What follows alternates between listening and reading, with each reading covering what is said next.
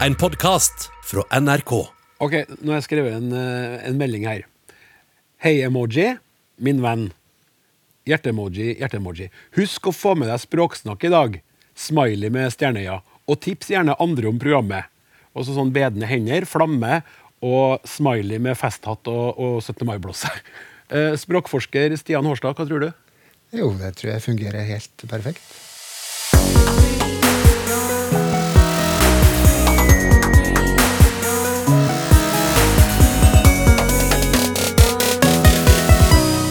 Hjertelig velkommen til Språksnakk, hvor vi i dag skal se på hvilken rolle emojis spiller i språket vårt. Vi skal også snakke om innsettelsestalen eh, som Joe Biden skal holde til uka. Og du får møte en operasanger med absolutt gehør for Wordfeud. Lytterspørsmål står selvfølgelig også på menyen. Blant annet skal vi dvele ved det som blir igjen i panna når man har stekt en biff. Dagens eh, fagpanel består av språkforsker Irmelin Kjelås og språkforsker Stian Hårstad. Hjertelig velkommen skal dere være. Takk for det. Takk. Ja. Altså, jeg bruker emojis hele tida. Uh, innimellom så kan jeg faktisk gå så langt som til å bare sende et hjerte og få et hjerte tilbake. Sier ikke hvem jeg sender den meldinga til, men sånn er det. Uh, Stian, hvorfor er vi så glad i å bruke de her tegnene? Det er nok ganske effektiviserende. Det fyller et eh, behov for en ganske kompakt konversasjon. Det hjertet kunne du ha skrevet sikkert ut i form av en hel novelle, men eh, du får jo sagt det du skal på ett trykk, eller kanskje to eller tre. Så det handler jo nok om Det fyller en funksjon. da. Det er en effektiv interaksjon. Ja. Eh, Vi har fått et spørsmål fra en lytter, Rebekka, som spør oss via snakk.krøllalfa.nrk.no. Hvordan var uttrykksmåten og kommunikasjon annerledes før emojiene kom?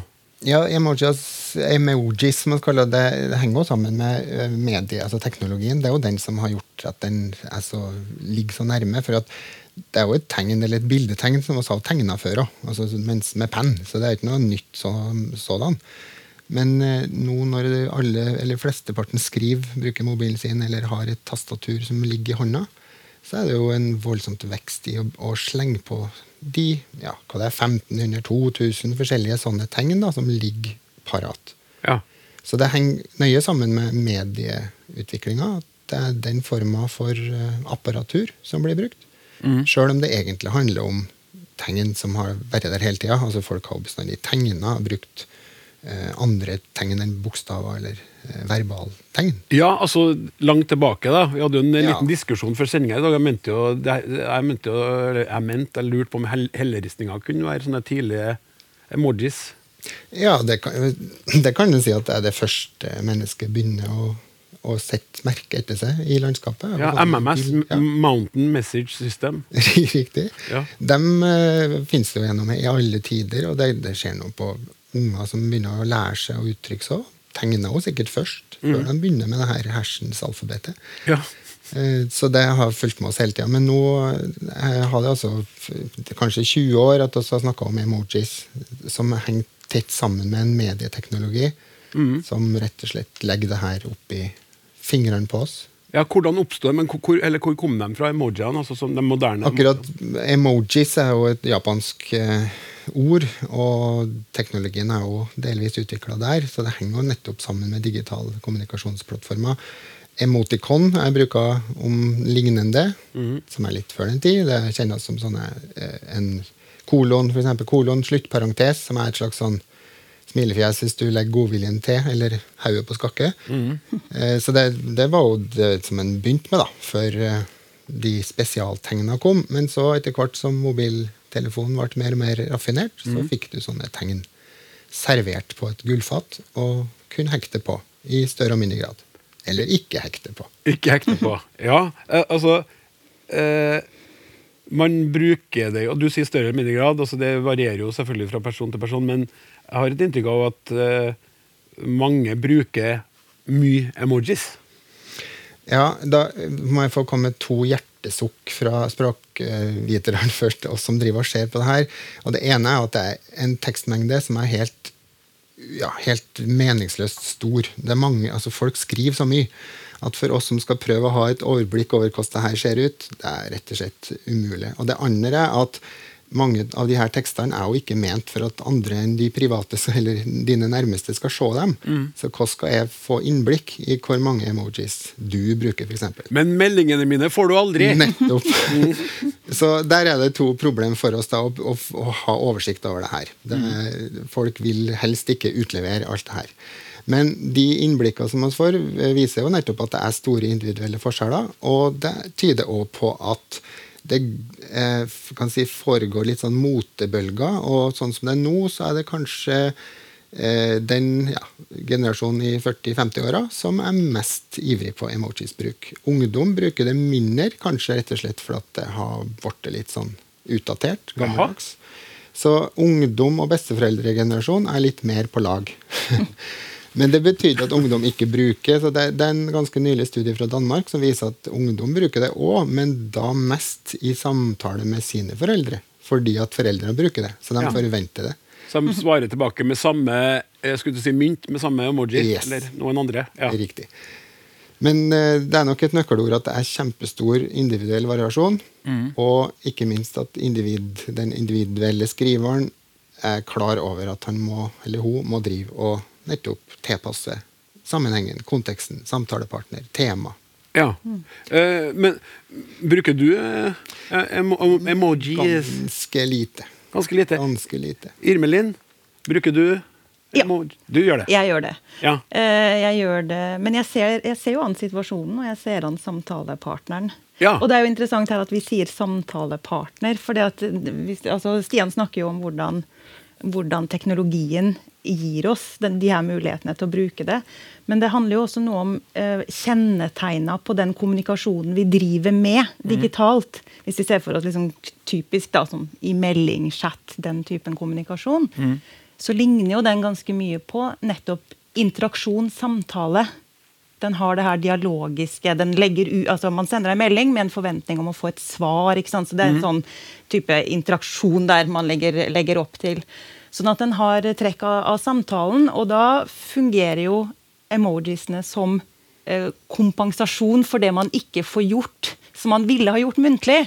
Man ville ha lagt trykk på, eller man ville ha signalisert at man var ironisk og egentlig ikke mente det. Men i skrift må vi da legge på et blunkesmilefjes, ikke sant? Ja. Sånn at, vi, sånn at det Så det er en slags gestikulering også? Det blir en slags ansiktsuttrykk? Alt det du ikke får med? Alt du ikke får til å vise at du egentlig tuller, eller at du egentlig syns noe er eh, teit eller dumt eller heslig eller fælt eller uh, hilarious, eller hva det nå måtte Eller, være, da. eller deilig? Eller deilig. ja. så, det, så det kompenserer for det man ikke får gjort i samfunnet. ja, det var, det var et ord du bruker, det der du sier kompenserer men en kompensat... Ja, at det er kompensatorisk. Ja. Det har en kompensatorisk funksjon, da. Ja. Ja. Så når vi driver og melder, da, eh, noen av oss for det, eh, Bare litt tilbake til deg som ikke bruker eh, emojis. Så er det sånn, Det har jeg lagt merke til med meg sjøl, vet ikke hvordan det er med deg, men hvis en person svarer meg på en melding uten å bruke, eller sender meg en melding helt uten emojis, da går min emojis-bruk veldig fort ned mot null sjøl. Ja, og det der er jo typisk for, for oss når vi kommuniserer, at vi tilpasser oss den vi kommuniserer med. Det gjør vi i, på alle mulige måter, ikke bare i, i, i emojis-bruk, som er eksempelet her, men i, altså hvis samtalepartneren vår ler mye, så har vi en tendens til å le mye. Eh, snakker samtalepartneren fort, så gjør vi kanskje også det. Altså Vi tilpasser oss hele tida i kommunikasjonen. Tilpasser du deg noen gang eh, en aktiv emoji-bruker, da, Stian, med å legge på en emoji sjøl? Ja, det er nok akkurat da det begynner å um, sprekke for meg òg. Ja. Men eller, altså, jeg tror nok i stor hovedsak at jeg skiller det der litt At jeg har en eh, skriftlig verden som er verbalspråklig, og så er bildene noe annet. Der, det har i hvert fall i stor grad være typisk for min skriftlige praksis. Men så er det klart det når jeg ser at oi, denne gruppa her, de bruker jo villig vekk. Kanskje jeg bør bli med på det, da, så ikke jeg ser rar ut. Sleng på en smiley, jeg òg. For eksempel. Ja. Men så er det klart at jeg har òg eh, interaksjon med folk som bruker det sterkt ironisk, for de nettopp vil ta avstand. Altså De legger på altfor mange, og at det blir et poeng i seg sjøl. Altså, de, de tar avstand fra emoji som har brukt for mange? Ja, Ja. Hva har de eh, her emojiene gjort med skriftspråket til de unge, da, Irmelin? Jeg vet ikke om det har gjort så veldig mye med skriftspråket til de unge. Altså, det kommer jo helt an på kontekst, sånn som vi snakka om i stad. Så man tilpasser seg jo eh, til den man kommuniserer med, og til temaet man kommuniserer om, og sjangeren man kommuniserer innafor. Og det er, det er, vi gode på, både, både vi voksne og, og, de unge. Så den bekymringa som kanskje har vært uttrykt, da, eller som er kanskje lett å å komme med eller ha om at her, altså den digitale språkbruken vil liksom lekke inn i den mer konvensjonelle, formelle skrivinga mm. i skolesammenheng f.eks. Mm. Den er vel nok ganske ubegrunna. Når man gjør forskning på det, så, så, er det ingenting som, som tyder på at det er noen sånne store lekkasjer eh, inn i de mer konvensjonelle formene for skriving. Da. Så ungdommen eh, fikser fint å veksle mellom eh, eh en SMS eh, med masse emojis og dialektord og litt sånn forkortende. altså Skriv DET med D bare og sånn. Mm. Og så sitter de på eksamen og bruker ingen emojis og skriver skrive ordentlig, skulle jeg til å si, men ikke at det ikke er ordentlig. Ja, for det er jo noe med det. Ja, da, hva er det vi tenker det skal vi passe oss for å ja, si. Ja. Det, og det er, jo, det er jo interessant. Det, det, det, er jo et litt sånn større poeng, akkurat det. Hva er, hva er den ordentlige språkbruken? Ja. Eh, og fra et mer sånn sosiolingvistisk ståsted, når en er opptatt av hvordan språk brukes mellom folk og i det sosiale og har en sosial funksjon, så, så, er det jo ikke sånn at man tenker at det ene er noe mer eller mindre ordentlig, men det er tilpassa ulike sammenhenger og har ulike funksjoner. Det er det som er, eh, det er, det som liksom er greia. Det er det som er det interessante. Ja. Eh, og det at vi er i stand til å skille mellom, mellom ulike kontekster og tilpasse språkbruken vår, det, det, det er vi. Eh, og det blir vi kanskje også faktisk bedre av. Av å navigere i det digitale. Fordi at de ulike plattformene og de ulike kanalene vi, vi beveger oss mellom, mm krever eller fordrer eller inviterer til ulik type språkbruk. Ja. Og dermed så blir vi kanskje enda bedre på å tilpasse oss til forskjellige sammenhenger og forskjellige praksiser. da. Så, så, vår og ungdommens språklige simultankapasitet er da stor? Absolutt, og den kan utvides. Men det er ikke noen tvil om at du, du trenger trening. Er, mm. altså, du må ha teksterfaring. Og det er jo klart at det, Selv om man føler at ungdommen er sånn digitale natives, så, så er det ikke helt sånn. Altså, de er jo ikke født sånn. Du, du driver jo nokså mye tekstproduksjon gjennom dagen din. Enkelte bruker Snapchat, og det er mange forskjellige kanaler. Men det skal jo øves opp, og spørsmålet er jo hva det er som skal skje i skolesammenheng, hva du skal lære utenfor. Så det er en eh, stor jobb, men det er ikke noe, ser ikke ut som at det får språkevnen vår til å eksplodere, nei.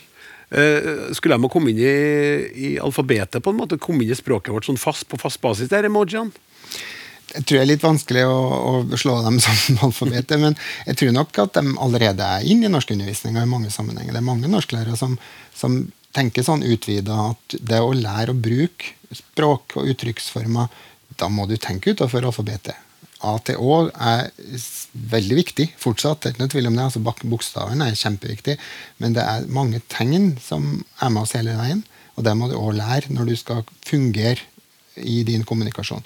Så det er nok der fortsatt. Men det skal, om det skal bli definert som alfabet, det er nok eh, det er vanskelig å, å sette grenser, da, for da får du et alfabet på 2029 tegn. Ja. Det blir litt voldsomt.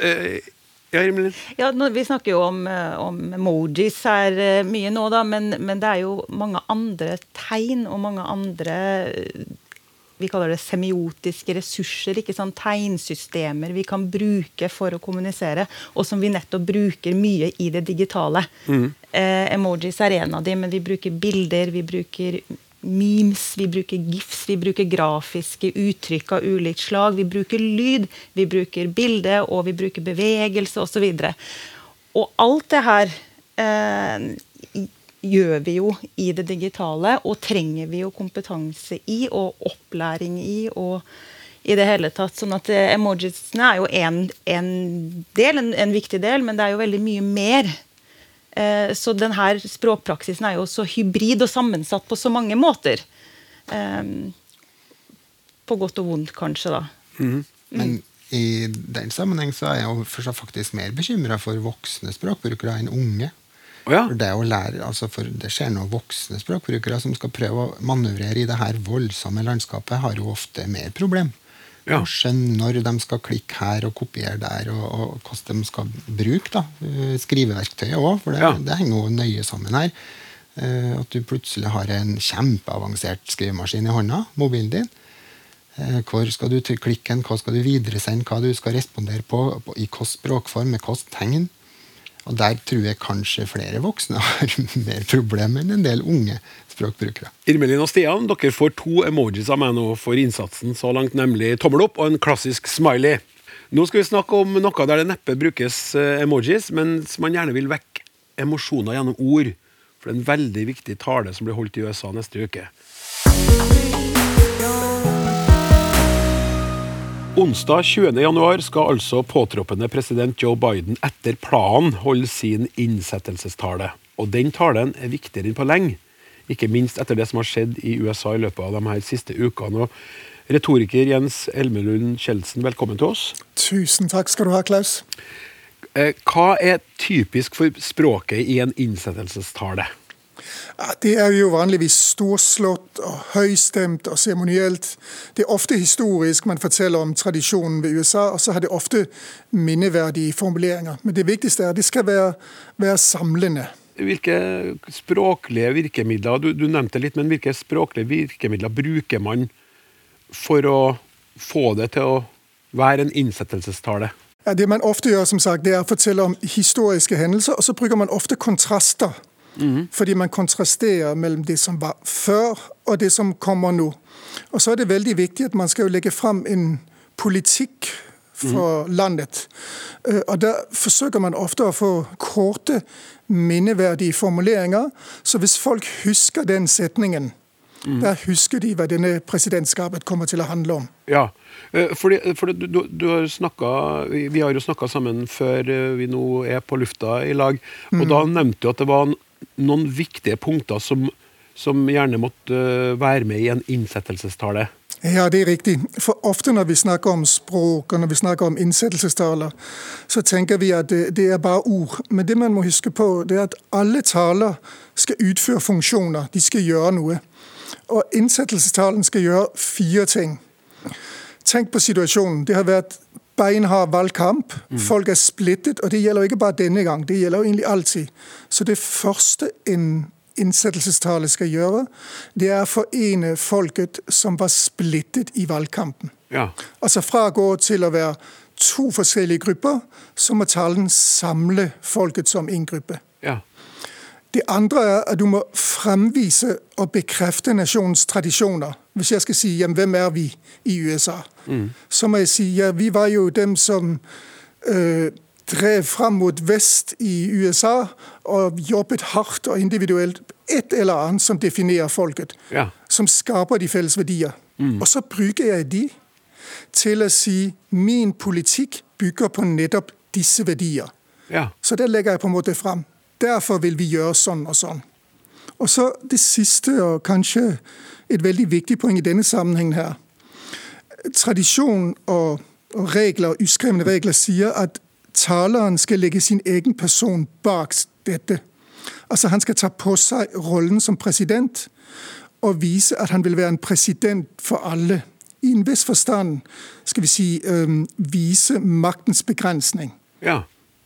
Eh, altså, eh, når du har nevnt de her fire punktene nå, og så sa du jo i sted så vidt det her med de, de her eh, kjente setningene som gjør, gjør folk i stand til å huske talen. Har du noen eksempler på innsettelsestallene hvor det her har fungert? Altså det å få fram punktene gjennom da, eller få fram budskapet gjennom de her eh, evige setningene som har blitt stående? De fleste av disse soundbites, eller korte minneverdighetssetningene, de eh, legger frem det man kunne kalle hovedprinsippene for presidentskapet. For eksempel i 1933, da Franklin Delano Roosevelt skulle bli president, da var det jo veldig dårlige tider. Og folk var jo rett og slett redd for hvordan dette skulle gå. Det var jo depresjon. Og han er jo kjent for setningen 'The only thing we have to fear is fear itself'. Eh, Kennedy i 1961 kom jo fra en situasjon hvor han hadde vunnet valget meget, meget tett. Det var den tetteste valgkamp hittil i USA. Øh, og han hadde jo et presidentskap som senere viste seg å bli en slags ny generasjon. Mm. Mortens hans presidentskap var også med, med førstefruen sin var på en måte en helt nytt slags presidentskap. Og han ja. sa egentlig det i sin innsettelsestale. Han sa «The torch has been passed to a new generation of Americans». Så han forsøkte på en måte å si nå er vi en ny generasjon. Vi er en annerledes type amerikanere. Ja. Men så sa han også det ja, som, ja, Nå tenker jeg at du sier det som jeg trodde du skulle si. Ja, nemlig. For han sa den, den mest kjente av alle de var uh, Ask not what your country can do for you, but what you can do for your country. Ja. Og det er jo en sånn hvor du har en sånn um, A-B BA-struktur. Det er nesten som et lite dikt, kan ja, du si. Ja, nettopp. Og sånne, sånne, husker man. Ronald Reagan gjorde nesten det samme i, um, i 1981 hvor han ikke sier så skal vi sette skattene ned, og skal vi gjøre sånn og sånn, men han angir hovedlinjene i sin politikk ved å si In this present crisis, altså i den nåværende krise, for det, ikke, de gikk ikke så bra i USA etter Carter Government is not the solution to our problem. Government is the problem. Ja. Så han sier egentlig mindre stat og mer eh, individuell, individuell eh, handlekraft. Ja, Eh, og, og, og, når vi har hørt de her historiske eksemplene, og du har lista frem de her fire punktene, hvor opptatt var Donald Trump Trump Trump, eh, Trump. Hvor opptatt var han av å, å, å, å, touche innom de her fire punktene i sin innsettelsestale den gangen? Ja, du kan si Hvis du liksom leser overfladisk, så var han i en viss forstand opptatt av alle fire, men leser du skikkelig, så var han ikke det i det hele tatt. Nei. Altså, Han var uh, opptatt av å framvise og bekrefte nasjonstradisjoner slik som han så det. Ja. Og han var opptatt av å presentere de prinsipper og ideer for den nye administrasjonen slik som han ser det. Mm. Men de to andre ting som er veldig viktige for å samle folket, gjorde han ikke. Altså, Han forenet ikke folket øh, som var splittet. Uh, og han tok ikke riktig rollen på seg som president for alle. Nei. Og Det er interessant, for han sier jo 'vi' hele tiden. Vi er sånn, og vi er det amerikanske folket. Så han snakker som om det er et helhetlig amerikansk folk. Mm. Så det ser ut som om han samler. Men fordi alle vet hvor um, infam valgkampen hadde vært, mm. så gjør han ikke det alvorlig. Da må du rekke, aktivt rekke hånden ut mot de andre. Ja, og En annen ting han ikke gjorde, som, som vi var vant til at USA gjør, det er å på en måte ta rollen som en sånn et, en verdensnasjon. Eh, han, han strakte jo ikke ut hånda til, til verden omkring heller. Vi, skal, vi, kan høre på et lite lydklipp her fra mm. innsettelsestalen. Mm. We assembled here today are issuing a new decree to be heard in every city in every foreign capital and in every hall of power. From this day forward, a new vision will govern our land. From this day forward, it's going to be only America first. America first. Ja, klart og tydelig. Det var klart og tydelig, ja. ja han uh, slipper på en måte unna med å følge, ikke følge spillereglene, uh, Donald Trump? Ja, eller, eller, gjorde han egentlig det? For denne talen fikk jo enormt masse kritikk. Ja. Uh, og, og, igjen, tilsynelatende så sier han ja, vi er et fellesskap, vi er USA, og vi vil sette alle oss i USA først i forhold til andre land i verden. Mm. Men i det øyeblikk han ikke anerkjenner at det var splittelse før, og i det øyeblikk han ikke aktivt rekker hånden ut til den andre siden, så leser man splittelse inn i denne eh, talen her. Men han gjør jo, som vi ser her, han legger på en måte the guiding principle fram, altså hovedprinsippene. Det er America first. Og det er jo til å forstå. Legg også merke til øvrigt at i det klippet vi hørte nå, veldig korte ord. Ja. From this day forward, a new vision. From this moment. Altså Det er jo helt En, en, en person i femte klasse vil forstå hvert eneste ord her. Ja. Og sånn er det ikke alltid. Nei, eh, for, for Joe, Joe, Biden han kan sies eh, å befinne seg et annet sted på den politiske skalaen. Det kan vi jo det kan vi trygt fastslå, eh, ikke sant? Ja, det kan vi. Ja. Men, men, men, husk også på at Joe Biden vil jo også være Han snakker ofte om Scranton, den lille byen han kommer fra, som er sånn en, en, en, en liten arbeiderby i USA. Ja. Så han er veldig opptatt av å være for folk flest. Det er slik han har på en måte presentert seg selv. Men det er jo noe, som jeg sa innledningsvis, med innsettelsestalen som må gjøre det høystemt og seremonielt.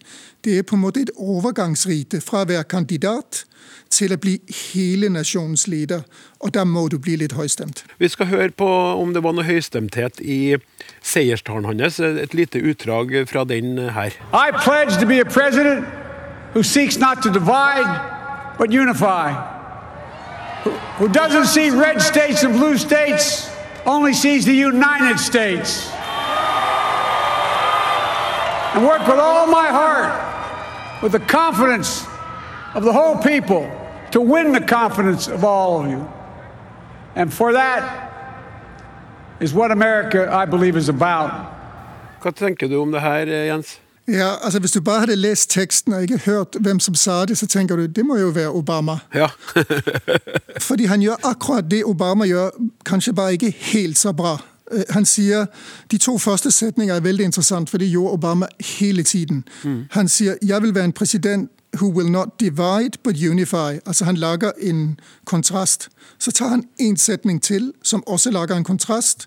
Who doesn't see red states and blue states, but only the United States. Det var jo noe sånt Obama fant på. Og der kan du si, Hadde det vært Obama, så ville han lage en setning til med en sånn kontrast Okay. før han gikk videre, for at vi skal må føle, vi må skjønne systemet. Ja. Men da går øh, Biden videre, og så sier han senere And that is what America I believe is about. Vanligvis vil Obama aldri putte inn I believe is about. Det blir en litt sånn krøkkete setning. Ja. Eh, eh, Hva slags ord og formuleringer mener du Biden bør bruke i forsøket på å bygge bru mellom Trump-velgerne og dem som stemte på han og Camera Harris? For nå er jo det et USA som er som en trykkoker, og ja, det er det er, lett, det er ikke en lett oppgave han har foran seg. Det er heller ikke lett for han å holde en innsettelsestale som, som treffer alle. Nei, det er riktig. Det er, det er en utrolig vanskelig oppgave. Jeg vil veldig gjerne vite hvordan taleskrivende griper dette an. Fordi han er jo nødt til å gi noen form for innrømmelse i forsøket på å samle landet. Men samtidig vet vi at hvis han gjør det for mye altså Hvordan skal man gi innrømmelser til en person som har oppfordret til angrep på parlamentet? Det blir jo nesten helt umulig. Så hvordan skal du på en måte gripe den andre halvdelen av USA, som er et helt annet sted, uten du samtidig skubber de vekk som i utgangspunktet er på din side? Ja. Så han må gi noen innrømmelser, han må snakke med et vanlig språk. Det som Trump har vært god til, som han delvis gjorde i innsettelsestalen, men som han gjør vanligvis, det er at han i mye høyere grad bruker helt vanlig språk. Snakker som en vanlig person. Og når vi hører folk oppføre seg, eller snakker som oss, så tenker vi jamen, han må jo være som oss. Ja. Og de som vi syns er som oss, de stoler vi på. ja. Men det er en øh, meget vanskelig oppgave, fordi når et land er så polarisert, så er det nesten helt likegyldig hvordan du snakker. Så vil folk oppfatte det negativt hvis de er, ser deg som fienden, selvfølgelig. Helt til slutt, eh, retoriker Jens Elmelund Kjeldsen. Så det her er kanskje litt eh, vanskelig spørsmål, da, men siden det her er så viktig, og vi får nå bare håpe at han faktisk får holdt denne talen eh, på en noenlunde ok måte på onsdag. Men hva er det verste Joe Biden kan gjøre mens han står på talerstolen og holder sin innsettelsestale? Ja, det er vanskelig å si, men, men det, det, det, det som alltid er det verste når du holder tale, det er at ordene ikke passer til situasjonen. Og det som er utfordringen her, vi vet ikke hva situasjonen vil være. Vil det være sånn at det kommer bilder fra innsettelsen hvor, hvor øhm, folk stormer øh, politibeskyttelsen, altså hvor det, hvor det oppstår kaos under talen? Det vil jo være, det vil jo være fryktelig. Så det, det er vanskelig å si hva det verste øh, han kan gjøre, er helt konkret. Men du er nødt til å forholde deg til situasjonen, og du er nødt til å følge, følge de fire reglene som jeg nevnte innledningsvis. Særlig å forsøke å samle landet så godt du kan. Tusen takk skal du ha. Vi får eh, bare ønske Joe Biden og USA lykke til. Ja. Da skal vi over til en matrelatert e-post som vi har fått inn til snakk.krøllalfa.nrk.no. Og nå har dere lyttere sjansen til å bli med på å løse et mulig mysterium. Hør bare her. Hei, Språksnakk, Klaus Sonstad. Som fast lytter til Språkteigen er vi avventende positive vi forsøker å være positive, til at programmet erstattes med Språksnakk, og klinker til med et spørsmål som dukket opp i en romjulsdiskusjon. Det dreier seg om mat! utropstegn. Vår familiære diskusjon konkluderte med at vi på norsk verken har noe ord eller noe begrep for å beskrive den brune skorpa som ligger igjen i stekepanna etter at man f.eks. har stekt biff. Alle med litt kokkekunnskap vet at dette er smaksgull. Det som ligger igjen der, er en fantastisk smaksessens som kan forsiktig kokes ut og brukes som basis for enten en saus eller bare en enkelt sky som helles over kjøttet før servering. Men vi har ikke noe ord eller noe begrep for å beskrive det. Vi forsøkte å konsultere internettet, og en engelskspråklig side hevder at dette er fond. Fond, det er sånn det uttales, er det ikke, folkens? Jo. Noe som skurrer i mitt amatørkokkeøre. For meg er fond en buljong som kokes på brunede benrester og grønnsaker og tar noen timer å lage. Det vi snakker om her, er noe helt annet.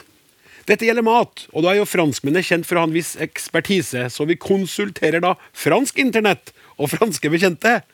Jeg lærte da at det på fransk kalles å hjelp suc de cuisson, cuisson, suc de cuisson, som Google Translate foreslår oversatt til stekejus.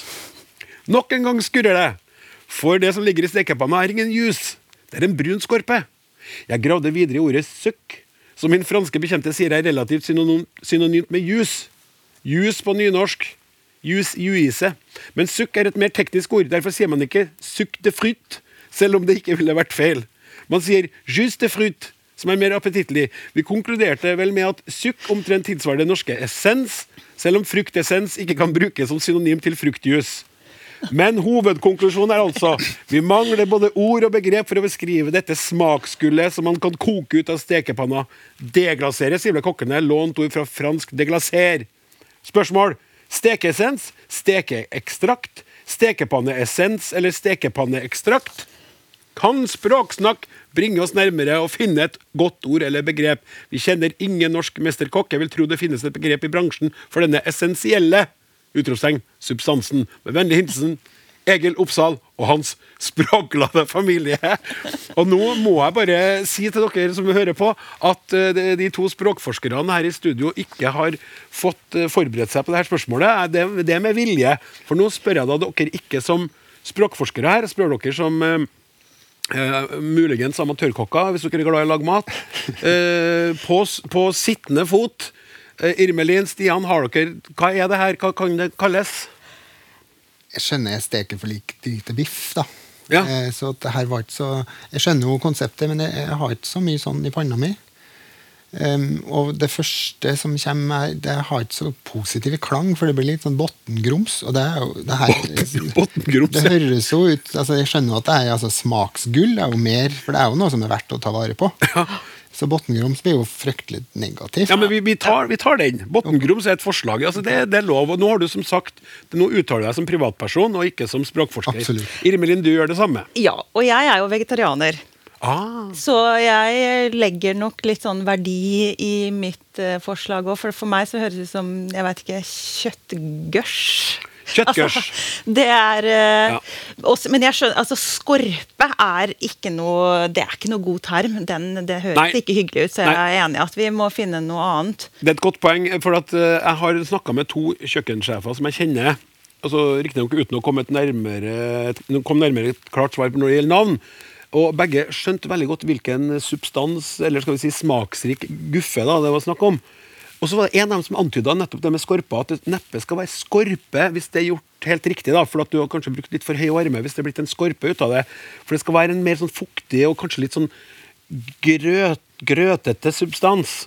En sånn, en sånn stekerest som er så velsmakende at man kan ta et godt stykke brød og så dra det ned i panna og bare spise det rett opp fra panna. ikke sant?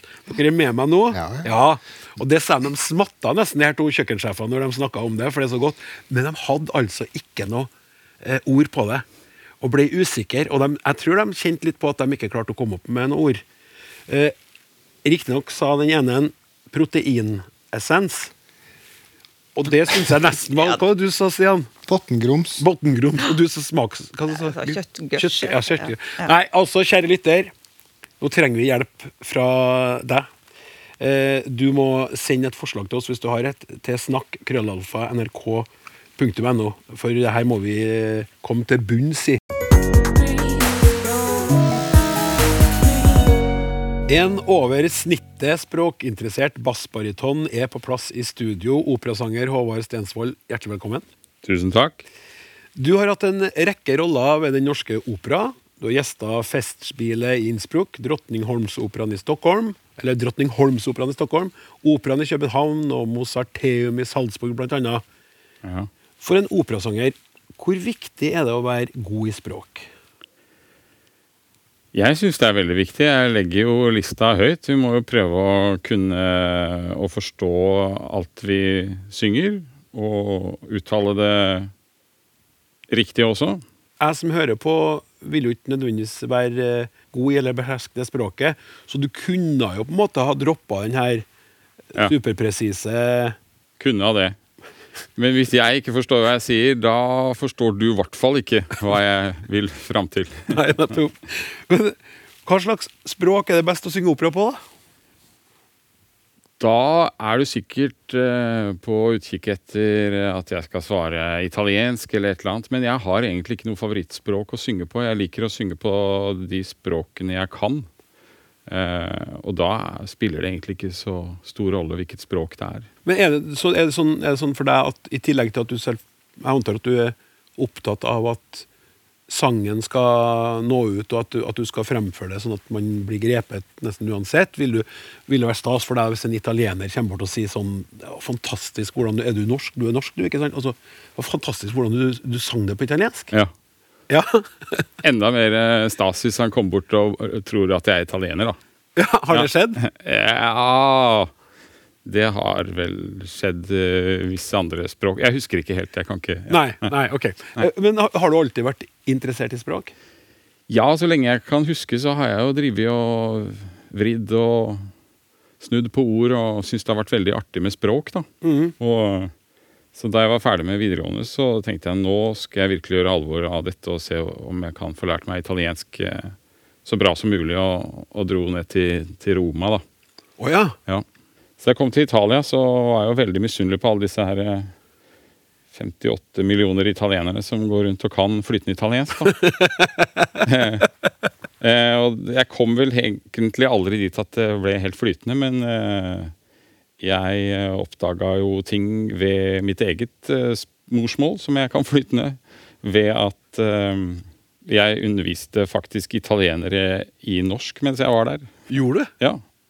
Det var noen italienere jeg kom i kontakt med som hadde norske kjærester som ville imponere litt osv. Så, videre, da. så da så, Så hadde du en, Da jeg snakka med deg før vi skulle møtes her, så hadde du også en, en ganske artig kakehistorie, syns jeg.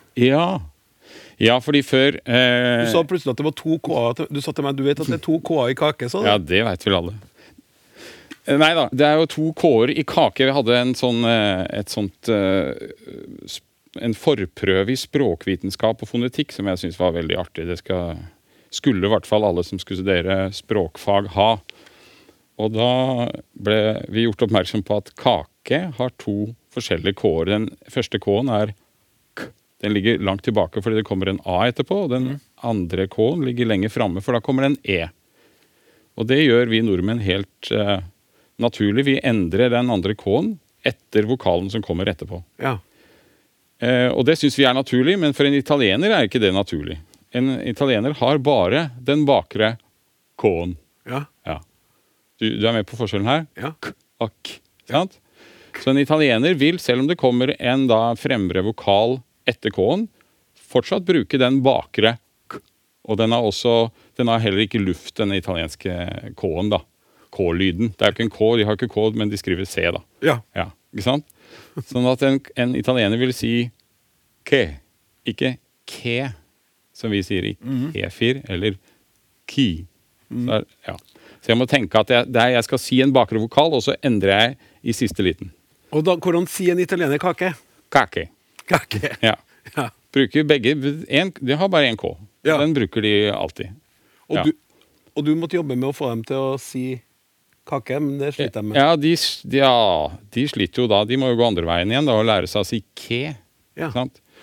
Så Hvis du da sier ke cosa, så vil det aldri høres helt italiensk ut før du har knekt den koden at du må ha den bakre k-en, selv om det kommer en fremre vokal. Og du kan si det nå. Ke cosa. Stas. Hva var din vei inn til operaens verden?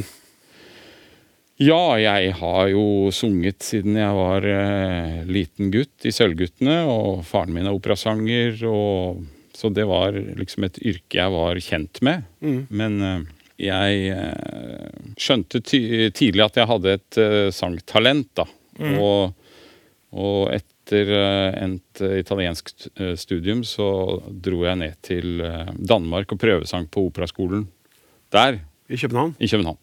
Og, og kom inn der, da. Og da var det jo ikke noe mer å tenke på. Det var ingen vei tilbake. Men Nei. språkinteressen forsvant jo ikke av den grunn. Nei, det gjorde jo ikke det. Jeg, det er jo egentlig sånn at jo flere språk du kommer i kontakt med, jo mer blir du interessert i ditt eget, jo mer skjønner du av ditt eget språk. Ja. Og særegenheter, sånn som kake og sånne ting. Sånn at, eh, og i Danmark så hadde vi også taleteknikk. faktisk. Taleteknikk. Ja. ja. Og jeg, jeg såpass syns, gøy syns jeg det er med språk at jeg gjorde mitt ytterste for å prøve å lære å snakke dansk, da. Og det er jo sannelig ikke lett. Nei. Men jeg knekte en kode da jeg skjønte Her må du prøve å henge med, da. Men eh, Jeg skal prøve. ja. Ja. Vi har noe som heter eh, plosiver, som, som er T og P og K. ja. Og de er da ustemte. Så hvis du sier T og tar deg på strupehodet, så T. Hvis, du må si bare ja, t, ja, du må si t. t. Da skjer det ingenting. Nei. Men hvis du sier d, D. Ja. så kjenner du at det ja. vibrerer nedi der. Sant? Så T og D er et par. P og B er et par, og K og G er et par. Mm -hmm. Ja. Så de ustemte eh, T, P og K er ganske like på dansk. Det er så artig at jeg sitter og snakker med en operasanger nå. Ja, Hvis, hvis, hvis du nettopp har kommet inn i programmet, her, kjære lytter, så sitter jeg og snakker faktisk med en operasanger, Håvard Stensvold, som nå driver og forklarer noe grunnleggende i forhold til å forstå dansk her. Fortsett. ja, forstå dansk gjør man sikkert, men hvis man, Ja, forstå, men hvis man vil snakke det. uttale det Uttale riktig, da. riktig, ja. For der er det nemlig en finurlighet med at eh, de danske, den danske D-en og B-en og G-en er ikke stemt. Nei. Nei. Og så kan man si hva er det som egentlig gjør at vi hører en lyd i det hele tatt? Jo, enten så er det fordi den har luft, sånn som vi sier sj eller f, ikke sant? Eller, eller så er det fordi den er stemt, at vi, som alle vokalene våre. Men en dansk Hvis du tar B først, da. En dansk B er da verken stemt eller har luft. Okay. Og hvis man skal høre en dansk B, altså nå skal jeg si da B på dansk, da skal man høre godt etter. Det er altså Ja. Det er rett og slett bare lyden av leppene som forlater hverandre. Det er en dansk B. Ja. Og en dansk D og en dansk G ja. Er det her en fleip, eller er det Nei, det er ikke en fleip. Skal du si noe nå der du bruker det der, da? Ja, altså jeg lå jo jeg, Da jeg, jeg husker jeg spurte en eh, dansk jente Kan du si g, og så sa jeg. Hæ? Ja. Ja vel. Og da lå jeg og øvde meg litt på, på det. Og for da, hvis man da bruker de sine norske stemte g-er og sier 'går det godt, så kommer det aldri til å høres helt dansk ut. Nei. Nei, du er nødt til å si 'går det godt. Ja. Går det godt. Det hørtes dansk ut. Ja. Ja. Ga- ja. bra. Går det godt? Ja. Går det godt? Ja. Går det godt, Håvard? ja. Det kommer meget godt. Ja. Um, du, vi må inn i Nå må, nå må vi inn i Nå må vi inn i operaens uh, verden igjen. Tilbake dit. Fordi du har jo, blant mange andre ting, så har du oversatt uh, Schuberts 'Vinterreise' til norsk. Ja. Og Hva var grunnen til at du tok fatt på det prosjektet, sånn helt kort? Ja, altså Schubert har skrevet eh, 24 sanger om eh, ulykkelig kjærlighet. Vinterreise. Eh, det er jo ikke opera, da, men det er klassisk musikk, og på mange måter så er det jo et eh, dramatisk verk. Jeg uh, syns Schubert var, eh, og er, helt fantastisk, så da jeg var eh, yngre, så så ville jeg forstå hvert ord og begynte å oversette sånn for meg sjøl, bare for å skjønne hvert eneste ord jeg sang. Og så tenkte jeg jeg kan jo prøve å slenge inn et et rim her og se om det får det til å gå opp. Og, og det Etter hvert så fikk jeg til en og en annen sang. Og, og så la jeg det bort i noen år, og så tok jeg det fram igjen, og så fikk jeg til litt mer, kanskje. Så den første linja i, første sang er Fremt bin ich eingezogen, fremt zieh ich wieder aus, der Mai ward mir gewogen, mit manchem Blumenstrauß. Og da hører jeg at det rimer A, B, A. Men jeg tenkte at jeg hopper over ett rim. Ok. Sånn at det fortsatt rimer. seg her. som fremmed er jeg kommet, som fremmed skal jeg gå. Den men skjønne mai er over med alle blomster små. Og da la du kanskje ikke merke til at kommet og over ikke rimer. Men du fikk det rimet på fra gå Ja. til små. Ikke Ja. sant? Og ved at jeg da hoppa over eh, ett rim, så er det lett, var det lettere å holde seg til det tekstlige innholdet da, Ja. i, i eh, alle disse sangene. I tillegg til eh, oversettelser av Schobert Schubert og en eh, språkinteresse over snittet, så er det også et ukjent antall Wordfeud-en- Word- Wordfeud-entusiaster som har fått stift bekjentskap med din teft for språk. Og eh, hvor god er du egentlig i Wordfeud? Og ikke det lange svaret når du skal forklare de her tingene. og sånn. Du, du sa det på en sånn kortmåte, og da må du drive med litt sjølskryt. da. Ok, men, men eh, jeg hadde en periode for fem år siden hvor jeg var oppe og vant den ligaen et par ganger. En sånn ja. Men så bygde vi hus, og så måtte jeg bare slutte, for det er jo en tidstyv av dimensjoner, det Wordfeud. Så kom korona, og så havna jeg utpå igjen, da, vet du. Så Og da måtte du begynne å bygge deg opp igjen fra Ja. ganske langt ned. ja, da hadde jeg glemt eh, brukernavnet mitt. Eller jeg hadde ikke glemt brukernavnet, men jeg, jeg fikk ikke logga meg på, så jeg måtte opprette nytt. Så Bokstavelig talt start på nytt. ja, Ja. nederst. Ja, ned- og hvor er du nå? Jeg, jeg er jo oppe i første nå, da, så jeg ranka som nummer ni, da. Så Bordelli hilser til alle Wordfeud-motstandere, og takk for artig moro. Ja. Og så eh, Da er det sånn at jeg lurer på eh, Helt til slutt, Håvard Stensvold. Mhm. Ut med språket. Hva er ditt favorittord? Jeg tror jeg velger meg eh, døgn. Døgn? Ja. Ja. ja. Rett og slett fordi det er et kort og konsist ord, og, og det er vel, eh, tror jeg, ikke andre enn de skandinaviske språkene som har det ordet. Du får ikke sagt det på eh, engelsk på en sånn måte. Da må du si 24 hours. Eller. Så de andre kan velge seg kjærlighet og sånn. Jeg meg d- velger døgn, jeg. Tusen takk for besøket. Bare hyggelig. Fra en operasanger som ble stilt en rekke spørsmål, til spørsmål som blir stilt oss. Om du har noe på hjertet, skriv til snakk.krøllafa.nrk.no. krøllafa Uh, Irmeline, her skal du få. Eh, det, det er to stykker som har sendt inn eh, e-post om det her til snakk.krøllalfa.nrk.no. krøllalfa nrk.no. Først, takk for det første programmet i serien Språksnakk. Og da var det først en liten kommentar til den diskusjonen vi hadde sist om han, skråstrek han, eller han, skråstrek ham.